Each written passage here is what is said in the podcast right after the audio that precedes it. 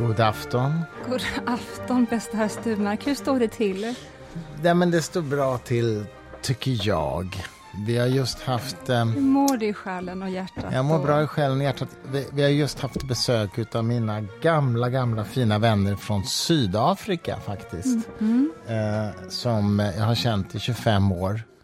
Det var väldigt roligt att träffa dem. De är på Sverigebesök. Jag har inte träffat dem på ganska många år på grund av pandemin och allt sånt där. Och de bor i Kapstaden och eh, som sagt, jag har känt dem i 25 år.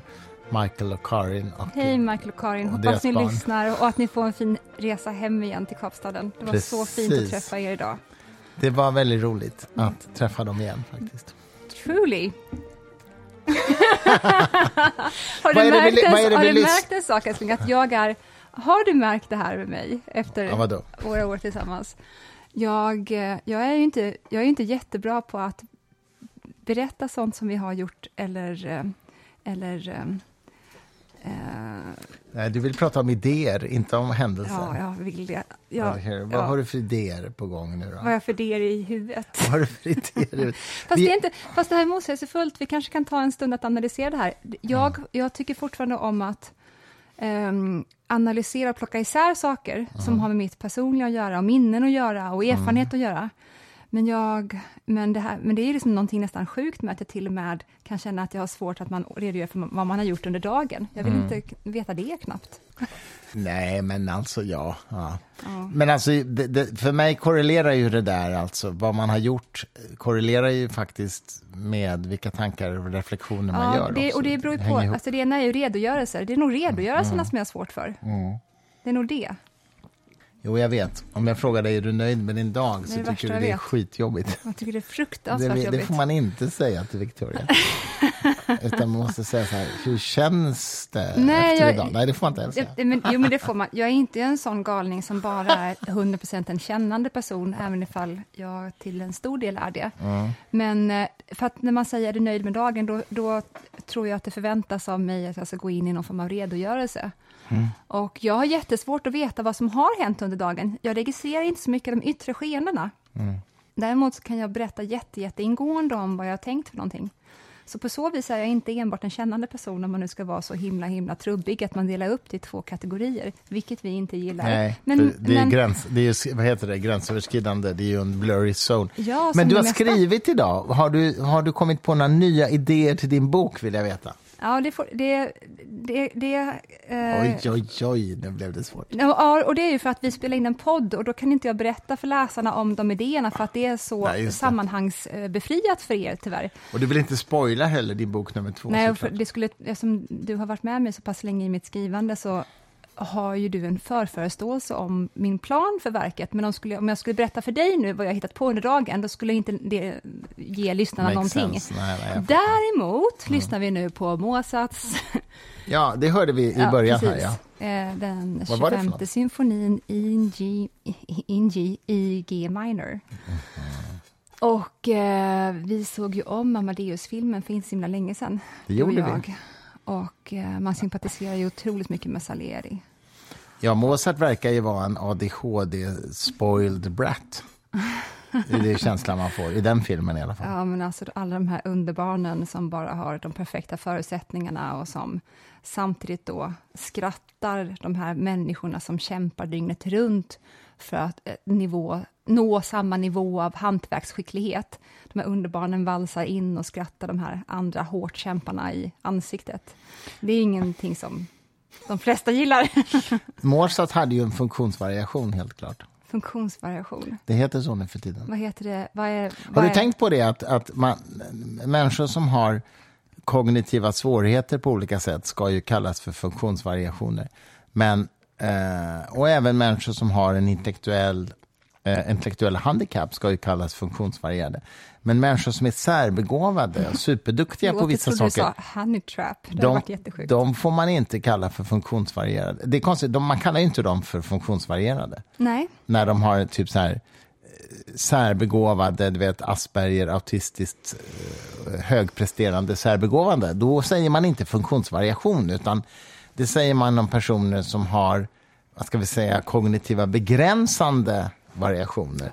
Och det är ju lite inkonsekvent för att högpresterande är ju också en funktionsvariation i förhållande till normalfördelningskurvan som ju eh, rimligen måste vara så att säga den normen man förhåller sig till, eller hur? Ja, fast jag är inte beredd att svälja det här med hull och hår. Är det inte så ändå att man kan vara extremt högpresterande utan såklart att vara autist eller aspergerian? Kallas det för aspergerian? Eller Asperger heter det ju Ja, såklart. det vet jag inte. Ja. Ja, eh, så att det är väl snarare så att det blir en funktionsvariation när du i din höga intelligens också har problem med interaktion på olika vis, vilket då kan vara ett tecken på autism eller någonting liknande. Jag vet inte varför extremt hög intelligens och högpresterande skulle vara en, en ehm, Funktionsvariation. Nej, varför skulle det vara det? För att det finns ju ingen problematik, det finns ingen, ingen social Men det är fortfarande en utmaning. variation. Jag menar, ordet, I ordets etymologi ligger ju att det är en är variation, du en menar. avvikelse från det normala. Ja, just det, precis. Och det, den slår ju rimligen åt båda hållen. Men min poäng är att det är bara de som slår så att säga negativt i den meningen att det är en begränsning för de här personerna. Det är de man kallar för funktionsvarierade, men inte de som där det slår åt andra håll. Är det ett postmodernt uttryck där man totalt luckrar upp gränsen mellan vad som är en variation och vad som faktiskt, kanske rent objektivt, för, för de flesta på gruppnivå i alla fall, är en, en reell utmaning? Alltså med variation vill man ju säga att det finns inget rätt och fel. Det finns inget bra eller dåligt och det finns ingenting som är bättre eller sämre i, din, i ditt försök att ta dig an världen och interagera med den. Men det finns ju faktiskt saker och sociala beteenden som är mer gångbara än andra. Tyvärr är det ju så. Ja, alltså, visst, fråga det mig, finns- det apropå finns- att inte jag ens kan redogöra för vad vi har gjort idag utan att jag börjar krama, eller vad heter det, åma mig i stolen Ja. av obehag. Nej, men jag tror, jag tror att det här är en ett effekt av en slags eh, politisk korrekthets eller terminologi rättare sagt, som man vill använda för att det inte ska uppfattas som kränkande. Och min poäng är bara att vissa kognitiva avvikelser från normen är ju naturligtvis begränsande för människor och vissa kognitiva avvikelser kan ju vara tillgångar och, då, och vissa kan vara både tillgångar och begränsningar på samma gång. Det Ja, är det som är, ja. Så är det ju. Men, men, men, men det känns som att det finns en slags eh, George Orwellsk eh, tillrättaläggning av språket, sanningsministeriet, Ja, vet, eller, i precis, 1984. Eller, eller vad den, hur man bygger sin bedömning och vilket språk man såklart i förlängningen använder sig av. Jag menar, det är väl klart att det är så att ifall du bara kan sitta med jätte, jätte tätslutande hörlurar runt huvudet i en stor, vad heter det, hoodie och bara spela spel hela dagarna och inte vill gå ut ur ditt rum eh, för att du inte kan kommunicera med andra människor. Det är ingen variation, det är ett problem. Ja, men det är två olika saker skulle jag säga. Det är en variation i den statistiska meningen att det är en avvikelse från normen, Mm. från det statistiskt vanligaste. Det är det man menar med funktionsvariation. Ja, Och that's my point. Funktionsvariation är ju neutralt i förhållande till om det är en tillgång Och det eller är en där jag handikapp. menar att det är postmodernt, för det borde inte vara neutralt. Allt kan inte vara neutralt, allt kan inte vara Nej. subjektivt. Nej. Det är ju... Nej, och framförallt inte objektivt heller, därför att vissa saker är ju handikapp och vissa saker är ju är extrema tillgångar. Och det är, där, det är där det blir lite konstruerat att tala om funktionsvariation när det är uppenbara handikapp eller begränsande eh, eh, så att säga, aspekter. Och där det finns andra aspekter som kan vara både begränsande och berikande samtidigt. Det är det som är så Absolut. intressant. Jag hade besök för en tid sedan av en mamma och hennes tonåriga son som hade en ganska vad ska jag säga, grav, autistisk, grav autism. Eh, enligt dem i alla fall. Jag är ju inte en expert på att bedöma det. Och han var så rolig för att vi pratade om det här lite grann och han sa han talade om, om, om oss andra som inte har en grav autismdiagnos kallade han för neurotypiska personer. Vilket är rätt roligt. Vi, vi är neurotypiska, vi är ne neurologiskt Du bara, typiska. gud vad du är PK. Tillbaks till honom. Nej, men, alltså, bara, jag, nej, men det är inte PK, för vi är neurotypiska i statistisk mening. Ja, men det är det jag menar, att vi Ja. säger att funktionsvariation är PK, och då är det kul ifall autisternas begrepp om oss då också anklagas för att vara PK. Ja, men precis, precis. men också, också att jag kan genast bli nervös över att vi trampar på några eh, tår här. Och, det får vi eh, göra i vår podd. Vår podd är sån. Och jag vill säga så här, det är inte så att när jag säger att saker och ting är ett problem, ha då i åtanke ifall det på något vis bara eh, nyansera bilden av mig att jag är Nietzschean och Jungian. Mm. För mig är det inga problem att något är ett problem. Och kanske inte neurotypisk heller om vi ska vara ärliga. Helt är, det märker ni väl? Snälla mm. ni, har ni inte begripit det ja, jag märkte tidigare? för länge sedan. Just det, det är nu du bara så blir Jag är gift med dig, herregud. Give me a break. Ja. Efter att vi har gift oss. Då kommer det stora avslöjandet i podden. Men du, vi fick lite grann... Nej, men jag måste bara, förlåt, ja, förlåt jag måste bara ja. slutföra. Nej, mm. jag vill inte säga förlåt, jag gör så här med dig jämt. Att inte folk har skrivit och klagat på mig än är faktiskt extremt sympatiskt och empatiskt. Jo, men jag har inget problem med att något är problem. Jag tycker att utmaningar är det bästa som finns. Jag tycker att svårigheter är bland det vackraste som finns. Mm. Eh, men för att man ska kunna ta nytta av svårigheter, utmaningar och problem så krävs det ibland att man kallar sakerna för sina rätta namn. Mm. Och inte är en leende, förlåt jag ser framför mig omedelbart en förskolepedagog-ish, som säger att det är samhället som behöver anpassa sig efter dem som mm. är eh, stjärnaktiga i sina... du förstår vad jag mm. menar. Mm. Jag fattar precis. Ja. Mm. Eh, det där hjälper ingen, tror jag. Nej. Det där får ingen att växa. Jag tror du har helt rätt i det. Du, vi fick lite grann en crush på Sydafrika nu efter att ha tillbringat några timmar med mina sydafrikanska vänner som du inte har träffat förut. Eh, ju. Eh, men eh, visst är det ganska fantastiskt ändå, detta land. Med alla sina problem. Jag har inte varit där då, så det är Nej, men utifrån vad de berättar. Med ett land med jättemycket problem såklart. Politiska problem och, och korruption och knepigheter i, i regeringen och så här. Men också, ja, jag har ju varit där mycket alltså genom mina år. Och det är ett, det är ett, det är oerhört vackert land alltså. Mm. Vi ska åka dit verkligen, så snart hoppas jag, kanske i vinter redan. Jag vill ta dig till Goda Hoppsudden och, och, och, och, köra bil där bland vilda strutsar och vilda apor. Jag tycker att det passar. Det passar. Att du kör runt och, och delfiner och, och vad heter det, pingviner. Tänk om schimpanserna har hört vår podd, vad vi har sagt om dem. och, så ska vi, och så ska vi hänga i Kapstaden och äta god mat på restaurangerna där. Ja. Mm, och åka upp på Taffelberget med linbana där man ser ut över hela... Ja, det är alltså, otroligt alltså, Gud, vad vackert. är det här för sida? Vem har jag gift mig med? Eller, vad är det här för äventyrlighet som kommer ja, fram nu? Ja, ja, ja. ja, ja, ja, ja. Eh, kan inte du berätta eh, om kyrkan i Sydafrika och eh, kontrovers... Ja, det är precis det som jag vill att du ska berätta om, för att jag vet inte det. Eh, kontroversen kring apartheidtiden mm, mm. och kopplingen till Holland. Eh, det här är alltså bara ledtrådar som jag kan ge dig ur minnet, mm. som jag hoppas nu ska väcka någon form av berättelse. Ja, men jag, jag har ju haft en del diskussioner med eh, Svenska kyrkan för några år sedan. Lennart Koskinen, det, Lennart Koskinen som vi var en sån här trendig han var biskop på Gotland några år och eh, liksom lite så här kändispräst i Svenska kyrkan innan mm. han blev biskop på Gotland. Supertrevlig person, alltså, verkligen. Men jag har haft en del debatter med honom eh, som handlar just om det här. För att vi talade just om apartheid och synen på apartheid och han säger så här, det är uppenbart att det går emot den kristna människosynen med apartheid och sådär. Och naturligtvis lyfter han fram Desmond Tutu som, är en som var en fantastisk, han dog ju nyligen, en fantastisk person och biskop och företrädare för den kristna tron som ju kämpade mot apartheid i hela sitt liv. Men vad han liksom kanske inte nämnde i samma andetag, det var ju att hela den holländska reformerta kyrkan i Sydafrika, som är en stor kristen rörelse i hela Sydafrika, det var ju de som drev igenom apartheid. De eh, drev regeringen framför sig när det gällde att få fram mm. lagstiftning om apartheid och lagstiftning om förbud mot vad heter det, rasblandade äktenskap och såna saker. Och de hade till och med ett stort kyrkomöte, jag vet inte exakt när, men i slutet av 60-talet kanske, där man samlade en massa då kyrkorepresentanter och samlades kring ett dokument ett slags teologiskt, vad ska vi kalla det för, lärodokument som liksom etablerade vikten av att ha apartheid, att upprätthålla apartheid. Mm.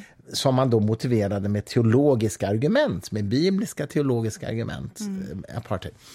Och jag tycker att det är så lite komiskt när svenskkyrkliga representanter säger så här, ja men de hade ju missförstått teologin, de hade ju inte fattat liksom, det här är ju ett missbruk av teologin. Mm. Och jag menar att det, det är lika lite missbruk som deras version, därför att det är ju en helt subjektiv tolkning. Nu går du postmodernism på det här. Ja, ja, exakt, därför att teologi menar jag är ju per definition subjektiv eftersom det bara handlar om mm. en sociala konstruktioner är ju min uppfattning om religion. Jag, min uppfattning är ju att religion som jo, helhet absolut. är en social konstruktion. Absolut, men vissa sociala konstruktioner kanske ändå passar bättre överens på det sociala ursprunget som de föds ifrån. Mm. Så kan det fortfarande vara. Ja, så att det går inte bara jag... att säga att man kan ha allt för sociala konstruktioner. Vissa är bara bättre överensstämmande än andra. På, jo, men, alltså jo. rent evolution, äh, när det handlar om evolutionär psykologi. Ja, ja, så kan man ju säga. Men alltså, och, och, jag vill vara tydlig med det. att eh, För mig är det naturligtvis solklart vad som är den moraliskt rimligaste tolkningen. Och det är ju att vara mot apartheid, såklart. Det är ju min absoluta hållning. Men min poäng är att det går inte, det går inte att säga att teologiskt, med teologiska argument, så är den ena rimlig, tolkningen rimligare än den andra, menar jag. Däremot med moraliska argument så är det för mig helt uppenbart att den ena tolkningen är rimligare än den andra. Ja, fast det beror ju på. Teologiskt så går det väl att säga att något är mer riktigt än det andra om man antar de eh, axiomen som en viss teologisk inriktning mm. använder sig av. Så bara du har eh, klargjort för de axiomen, då kan man väl sen i sin tur då se hur överensstämmer teologin på de axiomen? Så det går väl visst. Mm så här, jag håller med dig i teorin, alltså att om man ser... Om man jag är ju ingen teolog, så att jag kan ju bara bedöma det här indirekt, så att säga. Men om man antar att det finns teologiska axiom som är glasklara, oavsett om jag tror att de är sanna eller falska, ja, det spelar ingen roll, men givet att de är klara, då kan man naturligtvis säga att det finns objektivt mer rimliga tolkningar än andra. Teologiskt. Teologiskt, ja just det. Det håller jag med om att det principiellt borde vara så. Men det jag, det jag säger pragmatiskt är att det är uppenbart så att tunga bildade teologer mm. gör helt olika tolkningar, eh, till exempel om apartheid. Ja. Därför att det är så att den holländska reformerta kyrkan i Sydafrika var ju inga amatörteologer, det var ju tungt utbildade, teologiskt kompetenta präster. Ja, ja visst, men, det, men vilken, eh, det är väl ytterst få världar där olika experter gör olika tolkningar. Ja, ja, ja visst. Ja. Men det, och det men... gäller ju inte enbart för teologi. Jag menar, du och jag som är jätteintresserade av kvantfysik till exempel, det finns mm. ju otaliga tolkningar ja. som människor använder sig av, och de har samma data. Ja, exakt. Ja, de har, ja, de har samma data. Teologerna har ju inga data, det är ju möjligen skillnaden. De har axiom. Det är axiom ja, just som det, men då... inga data. Nej, nej, absolut, men data är ju axiom. Quite a bit difference. Ja, det är det, men du förstår grundprincipen ja, ja, ja, ändå. Varför? Det är väl klart att vi kan väl alla, eller det finns väl de som inte är överens om det heller, grundlagarna är ändå relativt fasta. Mm. Det är axiom som är väldigt svåra att förbise, även mm. ifall personer då eh, förvisso i ganska stor omfattning tror på spöken eller att överleva döden och sådana saker. Så det är väl visst upphävande av grundlagarna, men Jo, men alltså det här är ju ändå en relevant skillnad. Kvantfysikens tolkningar, där finns det ju data. Det finns ju experimentella data som är, problemet är att det går inte att tolka dem i någon slags intuitiv kontext som, ja. som är rimlig. Men teologerna har ju inga data alls, nej, det är det som är problemet. Nej, jag tycker inte alls att det är det som är problemet. Jag tycker att du betonar likadant nu som, jag ska inte säga vem, hur, apropå rolig betoning. Det här klipper vi förmodligen bort sen, hoppas jag. Nej, nej, nej, nej, inte nej, alls. Fortsätt. Okay. Ehm, du vill just nu lägga eh, vikten vid att det finns data på ett område, på ett annat område finns det inte. Mm. Det tycker jag också är såklart en relevant sak att lyfta fram. Men mm. min poäng är fortfarande att utifrån grundaxiomen så kan inte jag hitta ett enda akademiskt fält i hela världen där folk inte är oense. Mm. Nej. Uh, well, jo, det kan jag. Var? Det, det beror ju på hur du definierar oense. Jag skulle säga ja. till exempel så här, evolutionsteorin är ett sånt fält där man inte är oense. Och då skulle du kunna säga så här, jo det finns galna kreationister som är oense. Okej, okay, men det räknas faktiskt inte. Alltså det, det, finns en vetenskaplig konsensus bland seriösa forskare om evolutionen. Mm. Där, där, är man ense. Mm. Det finns vetenskaplig konsensus Nej. om elektromagnetiska krafterna okay. Jag exempel. Att du, nu, nu, nu har du framme extremt breda penslar som mm. vi förvisso måste börja med för att det här ska bli ett samtal. Ja. Men när du säger att evolutionen är alla ense om förutom galningarna, Mm. Det stämmer, mm. men det är fortfarande så att evolutionsbegreppet innehåller otaliga mm. representationer Nyanser, ja. utav världsbild. Mm. Jag menar, ja. det finns ju de som är otroligt gudstroende och som i sin gudstro har insupit evolutionen ja. och lyckats få ihop det här pusslet på ett perfekt sätt, skulle jag säga. Jag well, uh -huh. okay, med perfekt, då menar jag att det är kohe koherent. Det mm. menar jag med perfekt. Mm. Okej, okay. vi kan gå in i det här lite, för det är faktiskt intressant.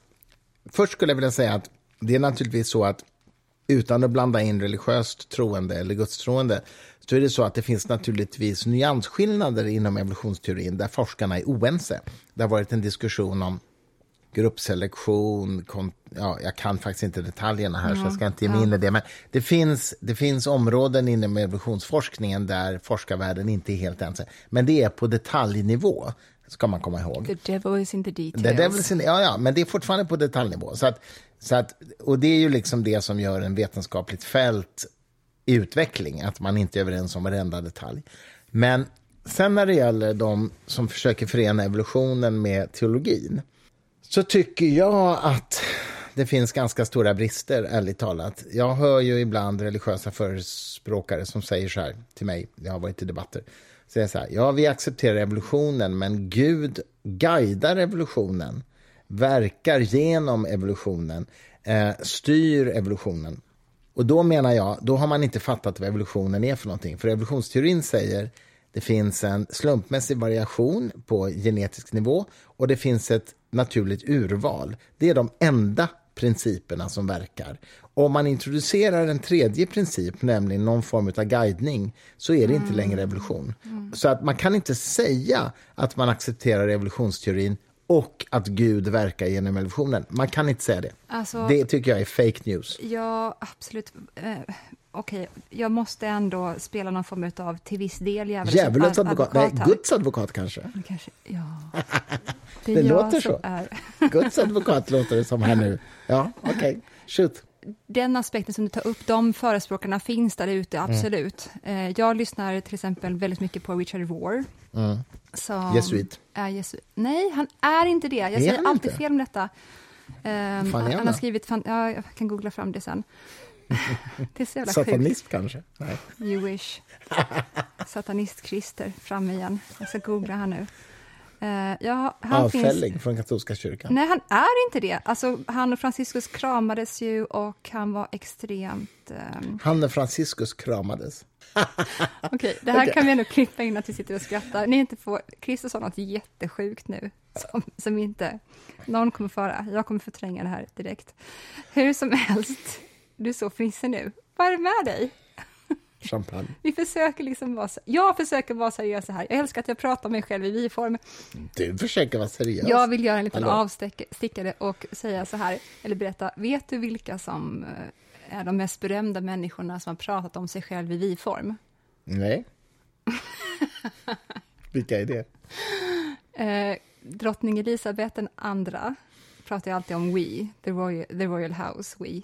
Och förvisso det kanske alla monarker gör, inte vet jag. Jag har mm. visserligen aldrig hört svenska kungen säga vi är mycket glada att vara här vid den här korvtillverkningsfabriken i Arboga. Det har jag aldrig hört. Men även Salvador Dalí faktiskt pratade om sig själv i vi-form. Mm -hmm. Vi tycker det är mycket trevligt att bli utställda på det här konstmuseet. kanske var personlighetsklyvd. Bland annat, mm. tror jag. Bra. Han skrev ju också en kokbok, vet du det? Som idag, Salvador Dalí. Salvador Dalí.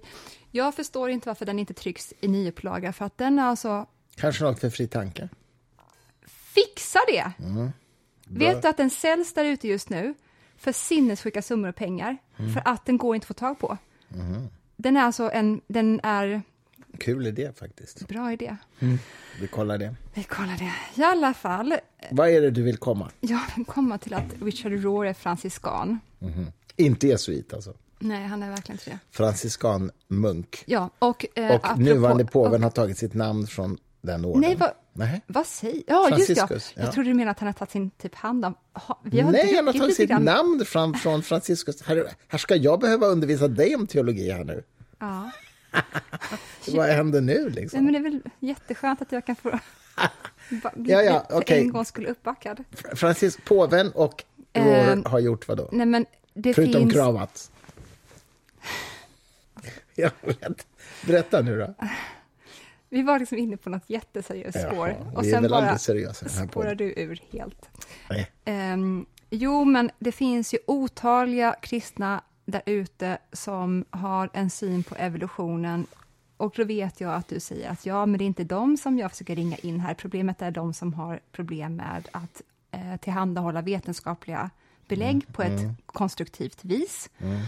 Eh, men jag eh, vet inte ifall just den aspekten som du tog upp tidigare är representativ och det grövsta för de kristna rörelserna där ute.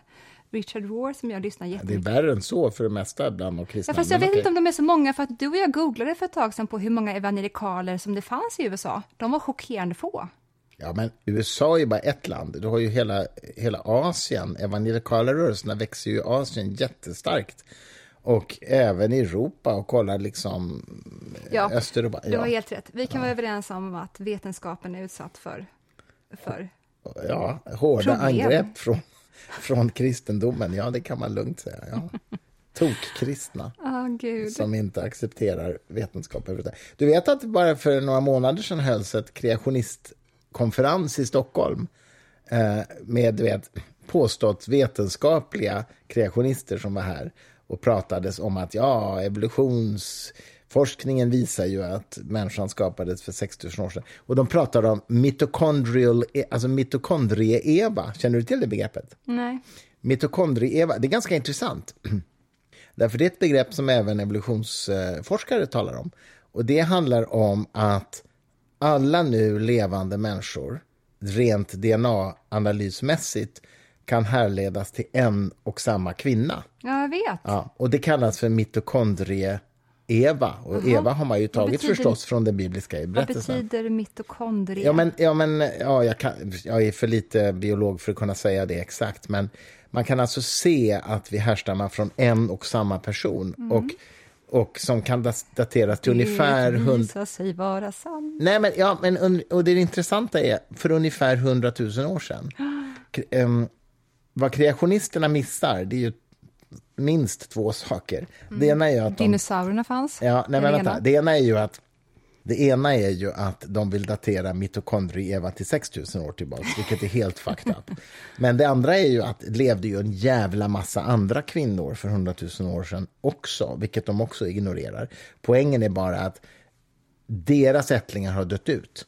Så att den, den, så att säga, den befolkning som finns på jorden nu härstammar till en ursprunglig moder som är ungefär 100 000 år gammal. D- Men det som sagt, det fanns en jävla massa andra då också. Ja, det är bara det det att de har dött ut. inte då. Nu är inte de här och kan tala för sig. Försvara sig? Nej, Försvara nej sig. precis. De är inte här. Nej, that's true. Eh, så, men, kreationisterna ändå vill ju tro då att det där är liksom Ja. den första kvinnan. Och att det ska vara något eh, belägg för det. Ja, Men vilket eh, inte är. man blir ju då nyfiken på den här kvinnans mitokondrie-Eva. Mm. Sjukt svårt namn. Eh, att hon hade en mamma, garanterat. Ja. Eller är det hönan eller ägget? Hon hade, hon hade naturligtvis en mamma. Ja, jo, det är ju riktigt. Men det kan ju fortfarande vara så att den mamman födde många barn. Mitokondrier. mi- f- födde många, många barn, kanske till och med flera mammor. Blivande Hon, mammor. hon, mamman födde flera mammor. Blivande mammor. Och alla deras ättlingar dött ut, utom just den här. Mitokondrie-Eva. Ja. Men vad hette mitokondrie-Evas mormor? Vad hon hette? Lilith kanske. Hörru du, nu får du, ta, nu får du skärpa dig. Vi, vi, det det blev två... Fan vad dåligt det gick med det här evolutionära vad heter pratandet. Mm, Du det har lurat i mig så mycket champagne, så att jag, kan inte, jag kan inte föra ihop det Du, här. du vann över mig i schacket igår, 2-1 i våra blixtschack-turneringar. Vi ska spela ikväll igen. Vi ska spela typ direkt jag måste, efter. bara få, ja, jag måste bara få säga en sak. Vi ska ju vara med i en schackturnering snart. Eh, Kan inte igen. fler vara med? Kan inte ni komma till den? Alla som vill, alla som lyssnar på vår podd och som gillar att spela schack utan att vara professionella schackspelare är välkomna att höra av sig så ska vi anmäla er till... Det finns en tävling i Uppsala 6 augusti Ja. och en tävling i Stockholm på Berns 6 september tror jag det var. Berns den 6 september är jag jättepeppad på, för den kommer jag verkligen vara med Mm, på. Den vet jag att jag kan, och som vi båda kan, och Leo. 6 augusti får vi se om vi kan. Ja. Eh, jag måste bara få Nej, säga en, ja. någonting om schack ändå, som vi har pratat om förut, men- men jag vill ändå dela det med lyssnarna. Det är att jag tycker schack är ett så otroligt vackert spel, därför att det har tre egenskaper som jag tycker är en väldigt vacker metafor för samhället. Och det ena är så här, det finns ingen slump i schack. Speciellt om man byter sida, om man spelar flera partier och växelverkar mellan att spela vit och svart. För det finns en liten fördel att börja med vit. Men om man växlar varannan så finns det alltså inget slumpmoment i schack överhuvudtaget. Utan det är ett rationellt spel. Det är förnuftet och det rationella som styr. Det är en väldigt vacker metafor för hur samhället borde vara. Jag ser att du är skeptisk, men du får höra, hear me out först innan du kommer med dina invändningar. Absolut. Det andra är, det är eh, total transparens. Det vill säga, du döljer ingenting för din motspelare. Du kan inte dölja din pokerhand eller liksom dina kort. Det finns inget hemligt, utan motspelaren ser exakt din situation. Exakt dina förutsättningar ser din motspelare. Också väldigt vacker metafor för hur samhället borde vara, men tyvärr inte är. Och det tredje är förstås, det är identiska förutsättningar. Än en gång, givet att du växlar vit och svart. Samma förutsättningar för alla inblandade, vilket också är en otroligt vacker metafor för hur samhället borde vara, men tyvärr inte är. I den meningen tycker jag att schack är liksom en, eh, en, en, en metaforisk... Eller det är en metafor för eh, en, en utop, ett utopiskt samhällsskick.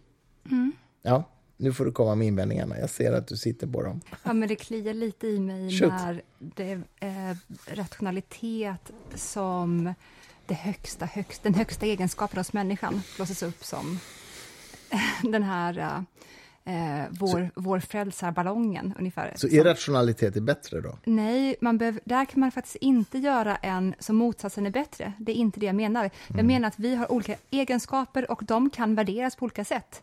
Egenskapen eh, rationalitet är en egenskap. Men jag tror att den egenskapen härstammar från en egenskap som är, skulle jag säga, nästan mer värd än rationalitet. Fast de sitter ihop, så att vi kan, då? jag, kan, jag kan testa det här med dig nu. Och eh, jag tror att intuition och rationalitet sitter ihop. Jag tror att eh, det intuitiva i människan, till exempel schackmästaren i världen, vad heter han, norrmannen? Magnus Carlsen? Han, spelar, han säger alltid, jag har aldrig ett rationellt eh, system utarbetat för mig när jag gör ett drag. Jag spelar bara på intuition. Det här vet du att han har sagt också. Däremot så tror jag att när man analyserar sin intuition, då kan man märka att det fanns något rationellt i den.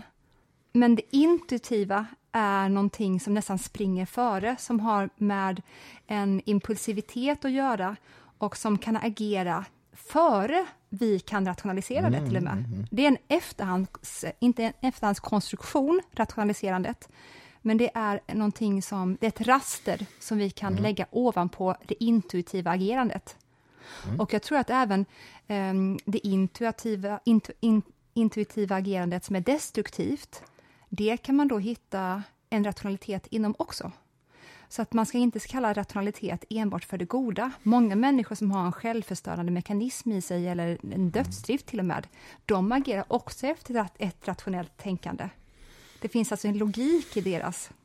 Så att det rationella behöver inte bara vara det ljusa i samhället eller i schack. Okej, låt mig kommentera det där. Då. Alltså, jag, jag håller ju egentligen helt med om detta. Alltså, för det första är det två helt olika saker, tycker jag. Eh, intuit, intuition eller man skulle kunna kalla det kreativa processer, Ja, absolut. föregår det rationella. Ja. Alltså, Einsteins mirakelår 1905 när han presenterade fyra white papers, eller vad heter det, fyra papper som ju vart och ett var, borde ha fått Nobelpriset egentligen, ehm, d- var ju en effekt av oerhört kreativa och fantasifulla insikter, eller vad man nu vill kalla det, kreativa, intuitiva, whatever you want to call it Ja. eh, eh, eh, tankeexperiment och så vidare som ju hade otroligt mycket med kreativitet att göra. Poängen är ju att när man lanserar de hypoteserna så måste ju de åtföljas utav rationella prövningar. Då kommer det in. Ja, exakt. Och jag håller helt med om det. Då måste man pröva dem rationellt och man måste pröva dem mot evidensen. Och det var ju därför han aldrig fick Nobelpriset för relativitetsteorin, därför att det fanns, tyckte man inte, tillräcklig evidens för relativitetsteorin. Han fick ju, om jag minns rätt, Nobelpriset för Browns... Eh, vänta, ska vi se, vad fick han det för? Fotoelektriska effekten kanske? Jag är faktiskt osäker. 1922 fick han det. Egentligen 1921, men han fick ta emot priset 22. Skitsamma. I alla fall, han fick det inte för relativitetsteorin som ändå är den stora grejen som man förknippar med Einstein. Och det berodde ju på att man tyckte inte att det fanns tillräcklig evidens för den. Eh, Sen har det kommit i efterhand, rationell prövning, evidensprövning och så vidare.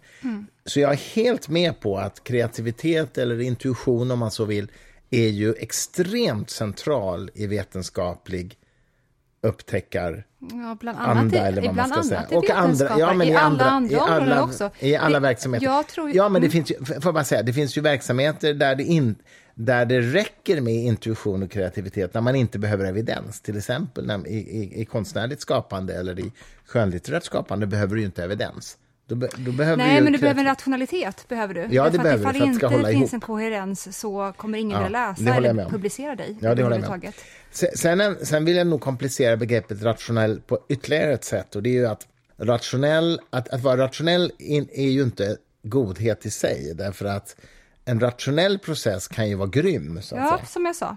Ja, precis. Så att rationell och förnuftig tycker jag inte är samma sak. Nej, förnuftig innefattar en absolut. moralisk dimension. Ja, gud ja. Rationell. Mm. rationalitet är mekanisk. Man kan ju säga så här att det kan vara rationellt att liksom döda människor givet att man har ett visst mål man vill uppnå.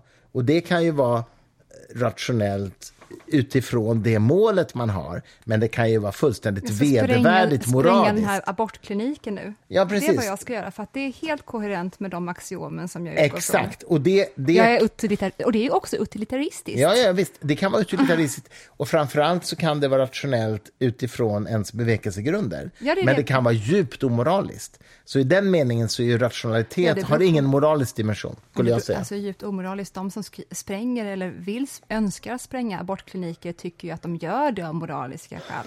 Ja, precis. Så det beror på vilka ja, ja, ja, moraliska. Men en grundaxiom. självmordsbombare kan ju spränga människor på en marknadsplats eh, utifrån sin idé om paradiset och att agera för Allah.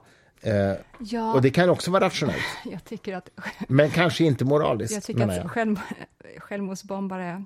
ehm, man, ehm, man säger oftast att anledningen till varför de spränger sig själva har att göra med att de ska få x antal oskulder i paradiset. Eh, jag tror också att det finns moraliska grundantaganden med i bilden. Jag tror inte att de är så ehm, egocent, eh, eh, egoistiska och narcissistiska som media vill utlysa dem till att vara. Jag tror att de agerar efter ett moraliskt system. Men absolut. Ja. Vi har ju gett ut böcker till och med på Fri Tanke som handlar om Islamiska statens rörelse, Ja, men jag alltså menar bara apropå att du moraliska sa att grunder. då kommer du till himmelriket. Ja, men det är inte bara eh, för Nej, min egen bara- vinnings skull. Nej, det är ja, någonting ja, mycket ja, större. Ja, jag vet. Jag, helt med dig. Alltså IS hade ju moraliska axiom som rättfärdigade deras grymheter. eh, Som inte bara handlade om Den enskilde som individens inte agerande och vad du Exakt. kommer få i belöning. Det handlar inte bara om den egoistiska belöningen i paradiset. Nej, Nej. absolut, jag håller helt med dig. Och, och i den meningen så menar jag att deras agerande kan vara rationellt Ja. utifrån deras moraliska grundaxiom, som du och jag tycker är djupt omoraliska, men det är ju en annan sak. Jag vet inte om jag tycker att de är djupt omoraliska. Jag, jag anser bara att de uppenbarligen jobbar efter ett annat moraliskt system än jag. Ja, just det, men det är ju omoraliskt Men utifrån omoraliskt, förhållande till ditt moraliska system. Ja, det absolut. Men, vad, okej, men vad kallar man då i så fall en person som arbetar utefter ett, ett moraliskt icke-befintligt system? Amoraliskt. Är det så? Ja. Där, kära lyssnare, är vi nästan klara för idag. En fisk är amoralisk. Ursäkta? Jag är ju född i fiskens stjärntecken. Menar du att jag är amoralisk? Nej, jag menade nu inte den astro astrologiska stjärntecknet fisk, utan jag menade en faktisk, reell, existerande fisk. Den är amoralisk, så vitt vi vet, det vill säga den följer inga moraliska koder. Den är varken moralisk eller omoralisk, den är amoralisk. Nåväl, vi kanske ska avrunda. Jag älskar att vi gick ner hit till poddstudion och sa, ja vi provar då. Jag, Vi bara, provar. jag vet inte och så om jag har... grävde vi ner oss i någon slags grotta av moraliska diskurser som var Ja, ja alltså. a oj, bit oj, oj. crazy. Men okej, Mm, ja. Vi whatever. säger ofta att vi ska återvända till saker och då är då problemet med att varken jag, problemet är att varken jag eller Christer har något närminne. Eh, fördelen med mig, jag, sig, ja. kära lyssnare, det är att jag ändå har ett långtidsminne. Christer har ju varken närminne eller långtidsminne. Kort men gott är mitt minne. Som en men- guldfisk. Kort men gott är ditt eh, Minne. talesätt i livet. Mm, kort men gott. Hörni, kära vänner, eh, på återhörande. Förlåt för allt. Hej, hej. Hej.